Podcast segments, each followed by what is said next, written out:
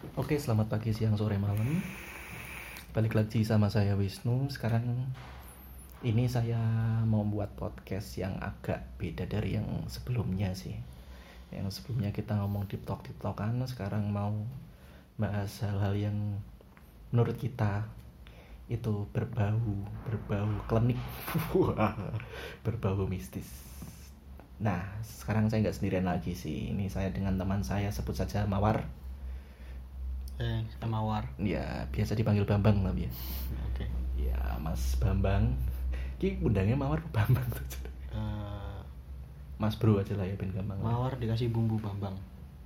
wah gitu juga boleh bro susah susah komedi di tengah kehororan seperti ini susah Kita awalin dengan kita awalin dengan semangat dari Oke. kelucuan dulu, Bro. Oke oke oke. Nah, eh, teman-teman jangan takut atau apa apa ya kalau tiba-tiba ada suara sut gitu. Itu kita lagi nge-vape ngepot. Jadi mohon Kita maaf kalau nyala- nyalain dupa. nyala iya. Oh, dupanya wangi bubble gum. Iya.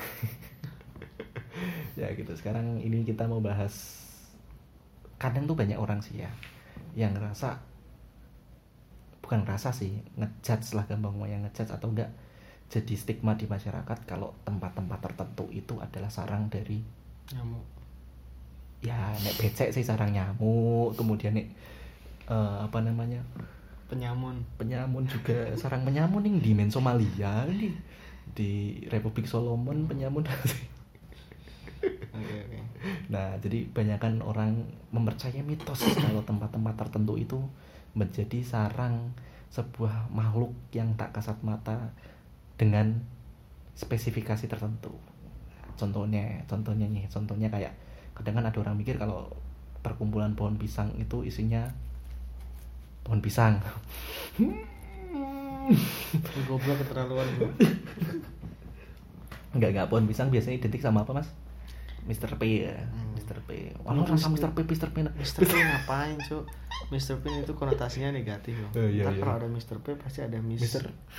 Ya, jadi malah bahaya. V apa? Fishing. Pohon. Waduh. Ya itu berarti biasanya kan di pohon pisang itu Mas Poci lah ya, Mas Poci apa Mbak Poci gitu. Itu bener gak sih? Bisa benar bisa enggak. Oke. Jadi kita lihat dulu dari sudut pandang mereka. Mm-mm. Jadi gini, banyak makhluk kita langsung direct aja ya. Mm-mm. Saya langsung kita langsung bahas soal itu. Jadi sorry sebelumnya bukan saya bukan dukun, saya juga bukan ustadz, nggak apa-apa. Cuman ini pengalaman pribadi dan juga kontemplasi dari diri saya sendiri, di mana sejak dulu memang apa gesekan-gesekan energi itu sudah dirasakan sejak dulu dan ini hanya sharing aja. Oke, untuk tadi ya apa yang diomongkan sama ente ya bro. Jadi Aha. kenapa sih pohon pisang itu punya makna atau punya asumsi di masyarakat tuh sebagai tempat bukan sarang sebenarnya. Kalau sarang itu di sana ada bosnya bro, ada Oh, geng, iya. Iya kan? Tempat, tempat, ya, tempat. gitu. Jadi tempat kalau tempat itu biasanya acak. Mm-mm. Ada yang di sana, ada yang di sana. Lah, pohon pisang sendiri memang sejak dulu terkenalnya Mm-mm. banyak eh, makhluk-makhluk yang jenisnya macam-macam nggak Hmm. cuman poci sebenarnya Hmm. kita sebut poci aja ya Mm-mm. nggak nggak cuman poci karena di situ pun mereka suka di di pepohonan-pepohonan tertentu Oke, oke, oke. contoh gini ada energi-energi yang ngebentuk dari pandangan orang lain atau kepercayaan orang lain Hmm, hmm, contoh hmm. gini pada saat kita kecil dulu jangan main di eh, pohon pisang karena nanti banyak poci Mm-mm. orang tua suka melarang kita dengan eh, perintah-perintah yang seperti itu. Itu baru satu orang tua Mm-mm. belum satu desa Mm-mm. itu ngebentuk secara tidak langsung Mm-mm. jadi aku jelasin pertama bisa jadi distorsi eh, apa namanya pemikiran banyak orang. Yang kedua memang ada energi di situ. Oke, Nah. masuk akal. oke ya. Yang pertama berarti tadi dari banyak eh, masukan ataupun kepercayaan itu bisa Mhm, membentuk ya, kepercayaan, Nah, kepercayaan. nanti nanti tak jelasin kenapa itu bisa membentuk satu satu sosok atau satu apa. Nah terus yang kedua berarti memang ada dalam tanda kutip jin yang ada di situ. Oke. tak garis bawahi ini jin. Yes, jadi ada yang menempati tempat itu sebenarnya, tapi Iya. bukan bentuk yang kita sebutkan tadi Hmm. sebenarnya itu bentuknya ya abstrak atau apalah ya cuman Ya, ada energi ah. di situ kan Jadi sebenarnya kalau kita bicara tentang makhluk halus, sesuatu yang halus itu tidak ter tidak terkonversikan dalam satu bentuk tertentu sebenarnya. Oke. Mhm. Tapi karena asumsi masyarakat dan budaya yang sudah melekat, itu ngebentuk sesuatu yang sama atau identik. Contoh Hmm. gini, kenapa kalau memang hantu ataupun kita sebut orang-orang banyak nyebutnya berarti setan itulah. Mhm. Setan kok yang di Amerika sama yang di Indonesia beda? yes Pernah nggak berpikir kayak gitu? Contoh, Hmm, kenapa hmm, vampirnya ada di vampir ada di Eropa? Mhm. karena ya kepercayaan orang Eropa Dan vampir. budaya mereka kayak gitu. Hmm. Contoh, mereka vampir itu kan kesannya kan dia pakai jas, Hmm. pakai pakai perlengkapan seperti Oke, itu. itu berarti kayak merepresentasikan orang meninggal seperti itu. Ya budaya mereka seperti itu. Contoh ketika orang meninggal di sana kan dipakein pakaian-pakaian yang paling mereka sukai, Mhm. eh, di di peti gitu kan. Mm-mm. Nah, akhirnya representasinya menjadi sosok-sosok yang seperti itu. Iya, tapi aku juga mikir sih men. Kayaknya nek umpamanya ada pocong di Amerika juga lucu sih. Ya, nanti dikira mau cosplay. Iya, Nah, gitu. cosplay apaan lontong? Enggak, enggak. Jadi gini, itulah kenapa kita harus Pocongnya transmigran. jadi iya bukan transmigran imigrasi toh. imigrasi oh Ah. ya imigran. Terus- numpak kapal. Anjir. imigran gelap nggak ada visa ya lanjut ya jadi ada sedikit intermezzo dari kita biar nggak terlalu tegang juga Mhm. jadi kita perlu pandangan kita perlu luas jadi justru jangan takut Mhm. semakin kita takut akan ngebentuk energi Mhm. contoh takut sama pocong secara tidak langsung kita akan memikir bahwa nanti di sini ada pocong Mhm. Nah, pemikiran kita itu sifatnya gelombang elektromagnetik. Mereka pun juga sebenarnya gelombang elektromagnetik, cuman kita tidak bisa mencakup daya mereka. Kita beda elemen. Cuman Hmm. ketika pemikiran itu terbentuk terus-menerus, itu bisa satu satu frekuensi. Mhm. Ketika satu frekuensi bisa membentuk satu sosok. Hmm, paham, paham. Nah, jin. Apa pun itu ya, berarti ya. heeh. Nah, jin itu aslinya hanya meniru. Hmm. karena dia tahu pemikiran orang kayak gimana akhirnya dia uh, duplicate gitu loh. Duplicate apa uh, keyakinan-keyakinan orang menjadi satu sosok. Hmm. karena jin suka dipuja jin suka untuk dihormati dan tahu sendiri semakin banyak orang untuk tersesat semakin dia suka.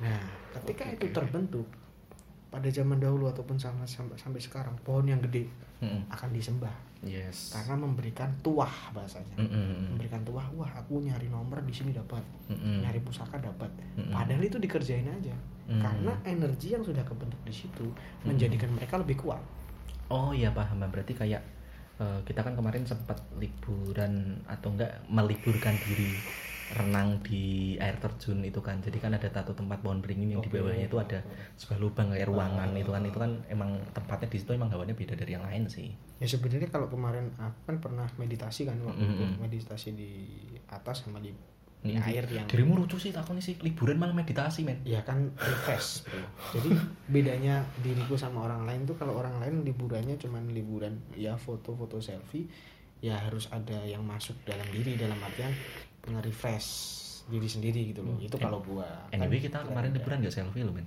ya enggak makanya Iya. maksudnya gini dari hasil kontemplasi yang kita Mm-mm. rasakan justru aura yang di situ tuh positif yang di air itu ya maksudnya yang di lingkungan air Oh, itu lingkungan positif air. Mm. tapi justru di luar dari itu itu banyak hal yang akan ngebentuk jadi Mm-mm. itu kan kayak areanya kan eh, melingkar gitu kan yes itu Hmm. eh, kita presentasikan gini sih jadi itu kan sebenarnya sungai Sungai kemudian ada eh, ada air terjunnya. Nah di deba, di air terjun itu di bawahnya itu kalau kita masuk ke dalam air terjun kayak ada sebuah gua bentuknya. Iya, ya kan? ya. sebuah gua dan itu di bawahnya air terjun itu membentuk seperti apa ya bunderan ya? Kayak bulat gitu ya? Pusaran kecil. Nah, kayak pusaran kecil gitu loh. Nah itu di situ tempat wisatanya sih. Nah, cuman kalau sebenarnya bukan untuk retro connection ya, tapi enggak, saya nggak bisa untuk retro connection untuk Oke. ke situ enggak. Cuman ada yang saya rasakan bahwa di situ adalah pusat kayak pusat desanya mereka, oke paham Hmm, paham pusat desanya mereka dan kita tuh ada di titik bukan di tengah, bukan di ujung, ya gimana ya bicaranya? Ya kayak kita diperhatikan lah intinya. Hmm, Ya itu jadi jadi pusat perhatian Hmm, lah ya jadi pusat perhatian di situ. Nah, tapi itu disakralkan. Di Hmm. tempat itu disakralkan. Oh, sebenarnya tempat itu sakral ya? Iya, sebenarnya sakral. Hmm. Makanya hati-hati. Mm. soalnya gini bro kalau kita bicara air Mm. air itu sumber kehidupan Mm, benar dan benar. air itu energi yang kuat itu bisa jadi sumber apa ya kayak sumber asupan bagi mereka mereka dan Hmm. juga manusia jangan kan jin lah manusia itu butuh air Mm, mm, mm. nah apalagi makhluk makhluk mereka makhluk makhluk seperti itu pun juga menyerap energi-energi yang dari alam Mm. Jadi kalau kita bicara mereka juga PLTU PLTA dan lain-lain mereka butuh itu Oke oke oke. Mm-mm. makanya kalau kita pernah dengar cerita-cerita orang terdahulu ada jin atau bahkan Pulau Jawa ini sebelum dihuni manusia kan semuanya memang lembut semuanya Yes, that's true. Karena Nah. itu ada sejarahnya kan. ya memang sejarahnya kayak gitu nah karena pada zaman dulu belum banyak pembangunan Mm-mm. belum banget belum banyak apa distorsi distorsi tentang globalisasi dan lain-lain energi mereka kuat makanya banyak ditemui orang-orang sakti dan Mm-mm. lain-lain nah, seiring berkembangnya modernisasi akhirnya kan mulai jarang tuh kayak gitu Mm-mm. Su- suatu hal dianggap tabu padahal aslinya ada dia kayak apa ya memunafikan diri lah Mm. jadi jangan pernah ya ini pesan buat teman-teman jangan pernah merasa bahwa ah itu kuno atau itu katro enggak justru kalian harus belajar sejarah Mm-mm. ataupun belajar mengenai tentang bahwa kita hidup saling berdampingan dengan Ya mereka benar benar benar.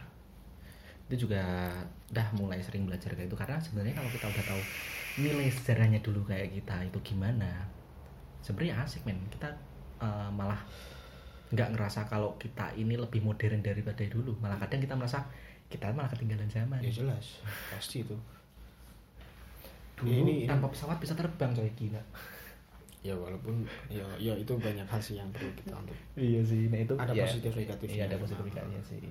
cuman pesan yang kita bisa sampaikan yang terkait tentang hal-hal yang sifatnya apa gaib dan lain-lain Hah. gini lah percaya nggak kalau gaib itu ada Percaya? nah contoh gini aja hubungan antara orang tua sama anak Mm-mm. nah itu bisa nggak dijelaskan dalam artian gini eh, oke kalau kamu bilang sayang sama orang tua atau orang tua sayang ke kita sayang itu di ucapan Mm. tapi untuk intensitas rasanya Mm-mm. itu gaib Ya karena tidak berwujud. contoh gini Mm. kamu jauh di mana tiba-tiba kamu sakit orang tua ngerasa sakit Ya, atau sebaliknya ada firasat lah. hal-hal seperti inilah yang yang dimaksud dalam artian ada yang nyebut six sense dan Mm-mm. lain-lain sebenarnya six sense itu adalah sesuatu indera yang memang tidak in- bukan indrawi kita sing sifatnya. Mm-mm. apa namanya eh, sentuh dan lain-lain. Cuman sensitivitas kita tuh termasuk indrawi contoh ketika kita kasihan sama orang kita empati sama orang berarti kita punya rasa. Nah rasa ini sifatnya gaib kalau kita udah terpoles terus menerus sensitivitas akan ber- berdampak ke hal-hal yang lain. Itu sih mm, mm, mm. jadi kalau kita terlalu banyak berlogika itu juga akan mengurangi hal-hal gaib kita. Bukan hal gaib yang sifatnya ke makhluk gaib lo ya. Ya, heeh. tapi termasuk ke hubungan orang. Contoh kita ngejek orang kita anggap biasa. Atau kita ngerendahin orang kita anggap biasa. Padahal kita nggak tahu hatinya orang itu kayak gimana rasanya kayak Hmm. gimana. Nah ini kekuatan yang kita harus tahu. Nah nantinya akan berdampak sama hal-hal yang itu juga bro Mm, mm, mm. makhluk-makhluk yang itu Mm, mm, mm, mm.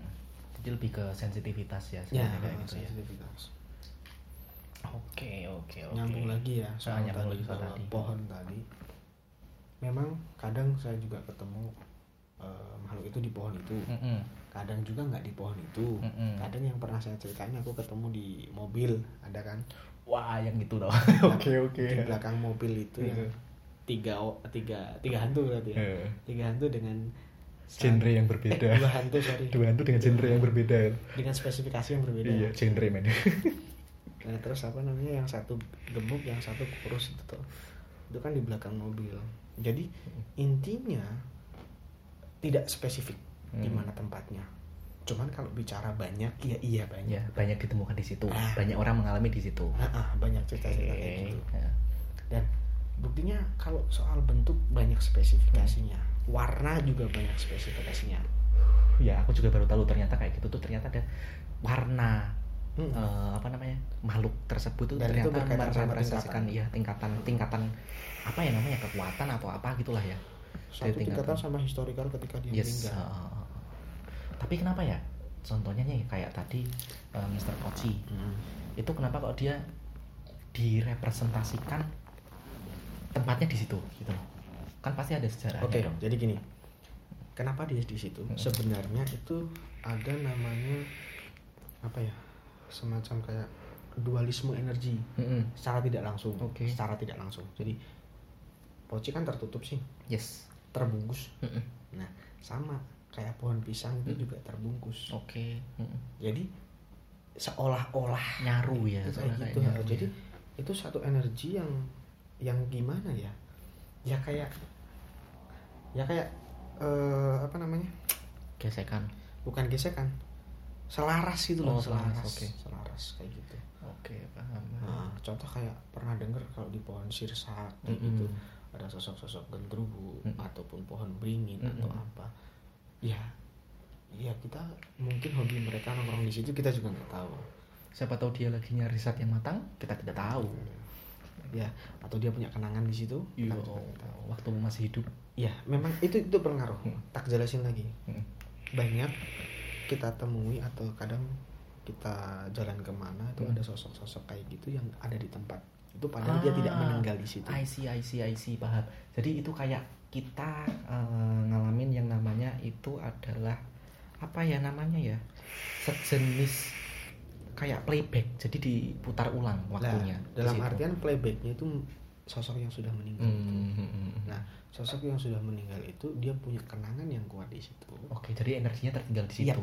Banyak yang tertinggal di situ lah, bukan di ya dia memang pengen di situ Hmm. makanya hati-hati kepada teman-teman semuanya misal kalian punya pacar atau punya apa hati-hati di mana pun karena itu membekas energi itu akan membekas sampai kapan pun Oh iya iya. Oh dulu pernah eh, pernah dapat cerita ini sih. Eh, ini cerita orang sih, aku nggak ngalamin sendiri. Jadi ada orang itu kan tetangganya sudah meninggal. Sekitar hampir dua mingguan yang lalu seumpamanya lah ya. Dua mingguan yang lalu ketika Hmm. dia cerita. Hmm. Oke. Eh, terus malam-malam dia lewat situ tapi tiba-tiba dia lihat orang yang meninggal duduk di depan teras lagi ngopi. Hmm.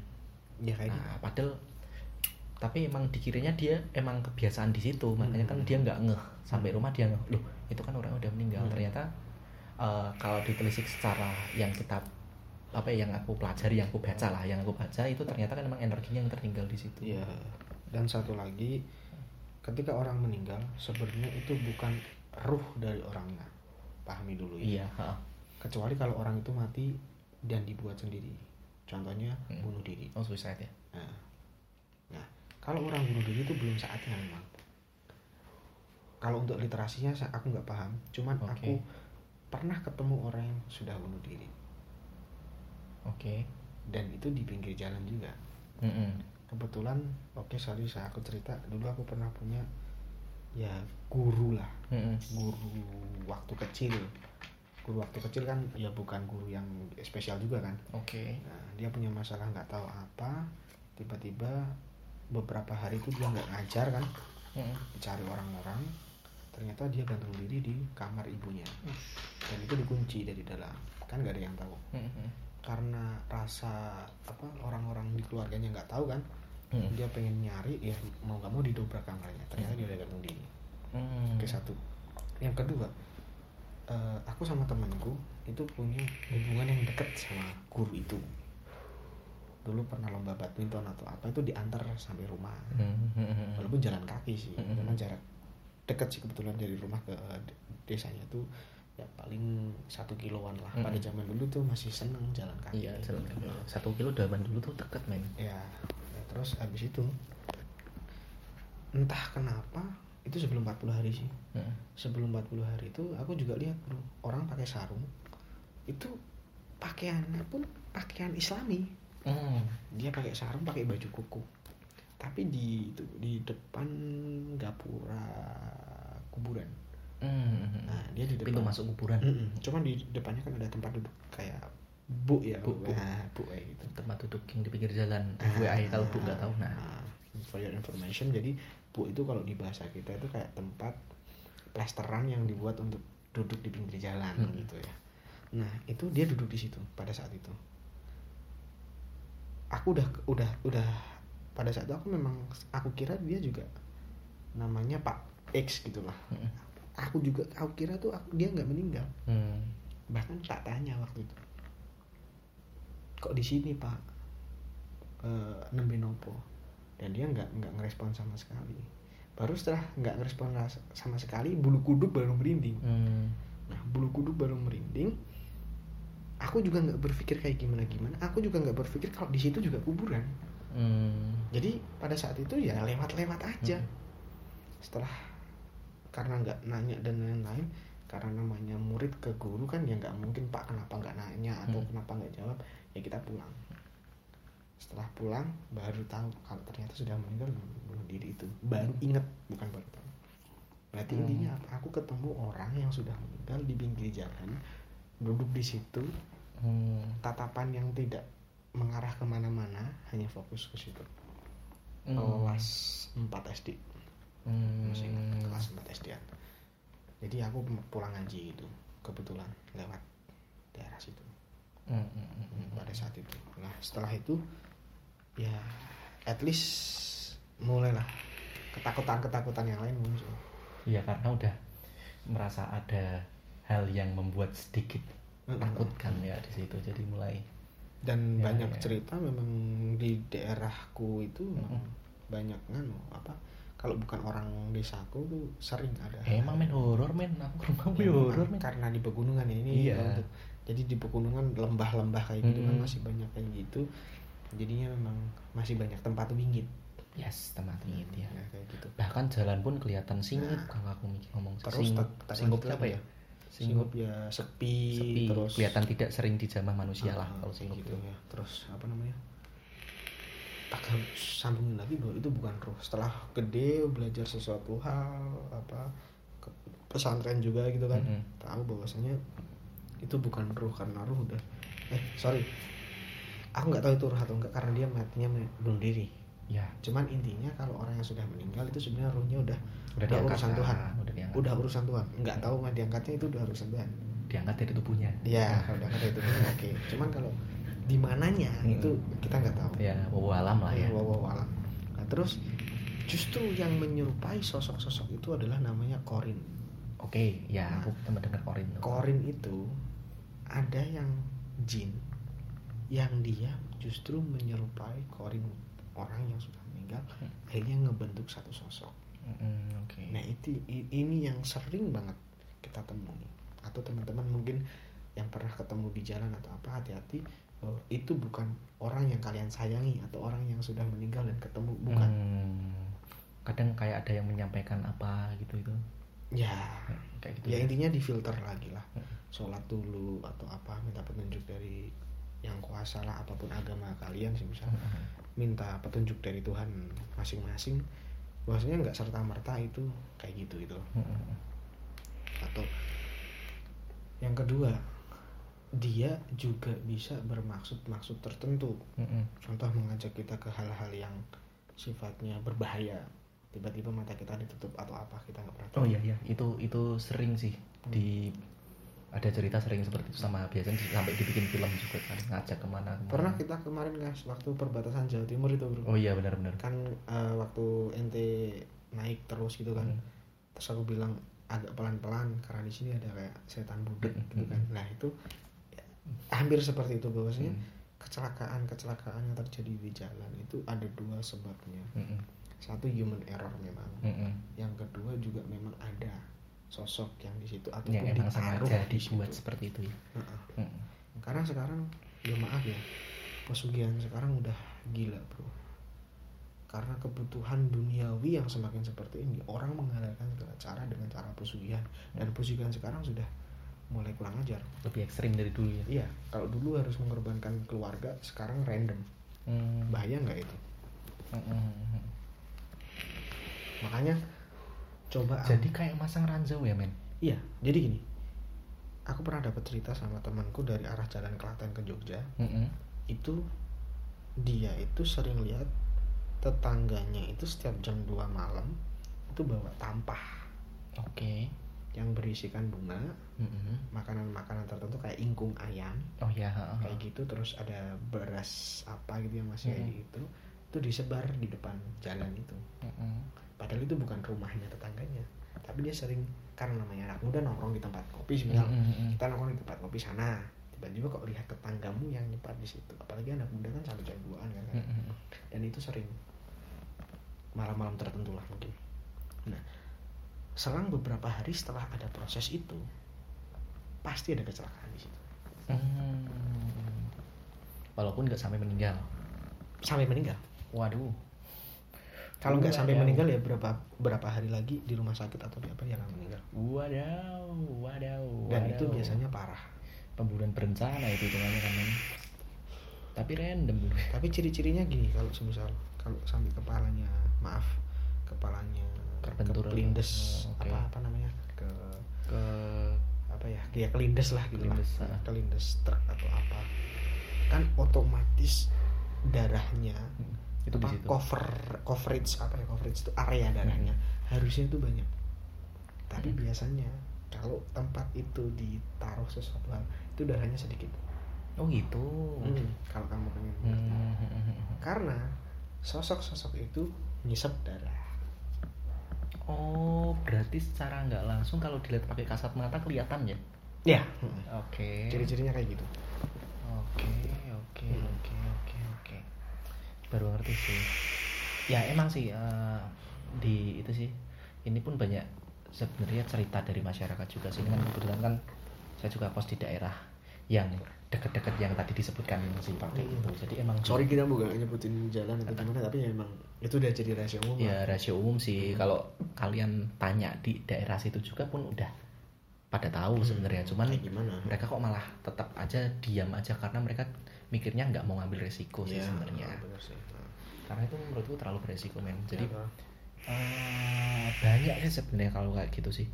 Kayak contohnya di depan kampus X yang depannya makam itu juga mitosnya atau enggak selentingan dari warga-warga itu emang dipasang di situ. Adalah kita kemarin ngelewatin Hmm. kok Iya. kamu aku ngomong waktu aku ngomong "Ning ini dipasang loh aku bilang Hmm. dan kamu ngomong pun kayak "Eh, iyo bilang gitu Hmm. soalnya kan dilihat dari eh, tempatnya itu jalan lurus Hmm. harusnya nggak ada masalah nggak ada kemungkinan kecelakaan atau apa tapi di situ memang banyak kecelakaan dan diisukan oleh warga ada Disinyalir. seperti itu nah, disinyalir sama warga itu dipasang seperti itu tapi ya kita nggak tahu sih cuman kan kita biar lebih hati-hati aja Nah, intinya pentingnya apa? Kita sambungin seperti ini.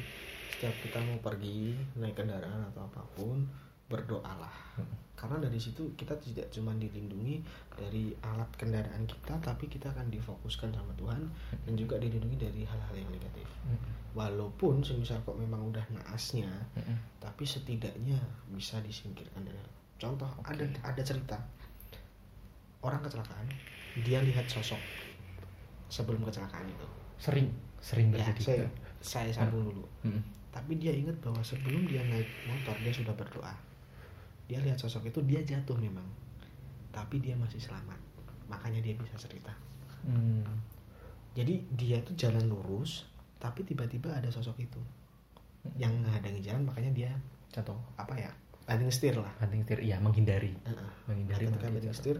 mau nggak mau kan otomatis Guling ya? dan lain-lain kan. Entah itu mobil entah itu apa. Tapi dia masih diberikan kesempatan cuman dia bisa lihat sosok itu. Hmm, jadi seperti ditamengin lah. Ya intinya kalau di Islam itu ada namanya kodok dan kodar Mm-mm. di mana ketentuan yang bisa diusahakan dan ketentuan yang sudah menjadi ketentuan Tuhan. Mm, mm, mm. nah ketentuannya sudah bisa kita usahakan ya kita maksimalkan. Contoh gini mati orang pasti mati. Oke. Kapan matinya? Udah ditentuin sama Tuhan. Mm, mm. cuman mau mati yang kayak gimana kita bisa atur sejak sekarang dalam artian kalau kita baik insya Allah ya kita akan dimatikan dalam kondisi yang baik tapi kalau semisal kita berbuat sekarang gini lah bro. Kalau setiap hari lu ke diskotik misal setiap hari lo ya. Mm-mm. dalam kurun waktu 10 tahun. Mm. ada kemungkinan nggak lu mati di diskotik? Kemungkinan. Nah contoh hal, hal kecil. Semisal lu di masjid terus selama 1 sampai 10 tahun ke depan Mm. ada kemungkinan nggak mati di masjid? Ada Nah, kemungkinan walaupun kita nggak tahu matinya kapan, Mm, tapi intinya adalah habit kita atau kebiasaan kita itu bisa menghindarkan kita dari hal-hal yang negatif. Hmm, oke oke oke oke. Jadi pesan moral yang bisa kita sampaikan, jangan pernah melupakan apa ya entitas tertinggi dari energi yaitu Tuhan. Mm-mm. karena di mana pun ketika kita sudah masuk tempat angker masuk apa entitas tertinggi itu Tuhan. Nah yang yang yang biasanya dredeg ini tak tak masukin. Kenapa ketika kita masuk ke satu tempat yang menurut orang-orang itu angker mesti dredeg ataupun takut dan kenapa orang orang-orang dulu bilang kalau takut justru imannya lemah? Kenapa? Karena kita percaya omongan itu sih kalau ya satu kita percaya dan kita nggak percaya Tuhan. Iya maksudnya apa? Kalau percaya ya ya ya ya ya, ya.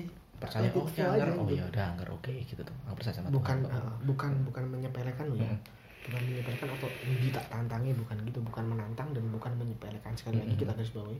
Bukan menantang dan bukan menyepelekan karena kita hidup di dua dimensi tapi kita saling berdampingan Hmm.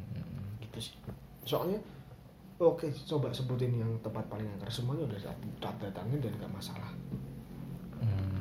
kalau cuman sekedar gesekan-gesekan nggak masalah sih mau ke benteng nggak masalah ya contoh ketika kita di ya di kemarin kan Eh. kita naik mobil itu aku pernah bilang kan sama ente Hmm.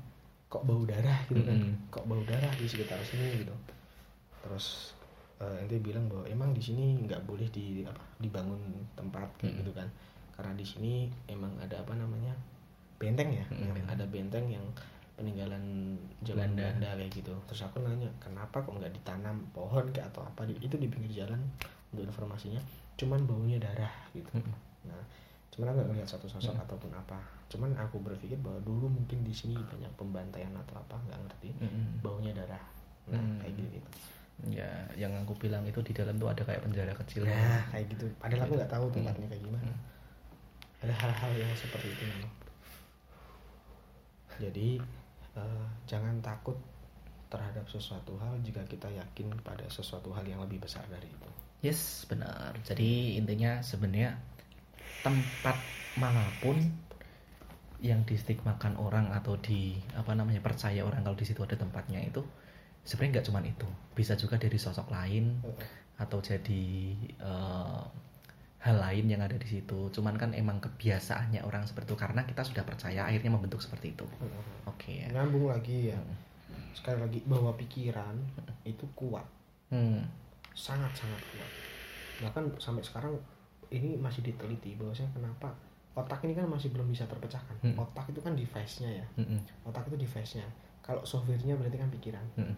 ya kan kalau eh, output-nya berarti kesadaran Mm-mm. nah kesadaran otak device dan lain-lain ini kenapa setiap manusia itu berbeda kenapa cara pandangnya berbeda dan lain bahkan untuk six sense dan seven sense ataupun Mm. ke depan eh, ke atasnya itu kan ada lapis-lapisan sebenarnya Mm-mm.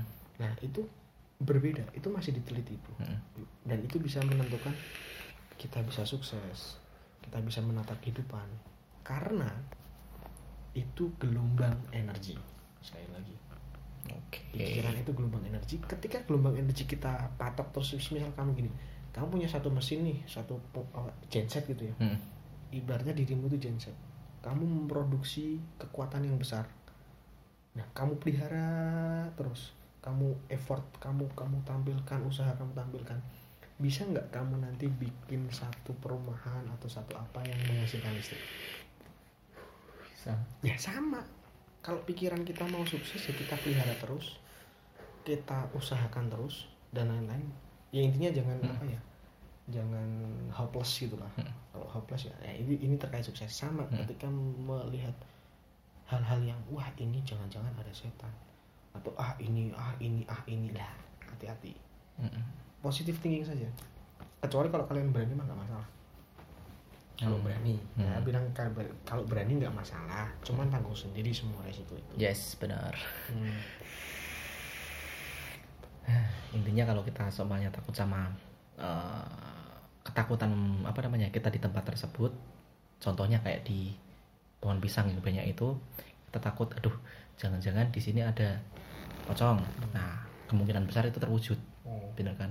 Aduh, jangan-jangan di sini nanti ada Karim Benzema. Wah, ya, Hmm. itu bisa jadi kan? Tapi dalam bentuk yang lain. Bodoh Karim Benzema pakai pakaian pocong kan pada foto putih seragam Real Madrid men ya itu pokoknya itulah ya jadi intinya untuk teman-teman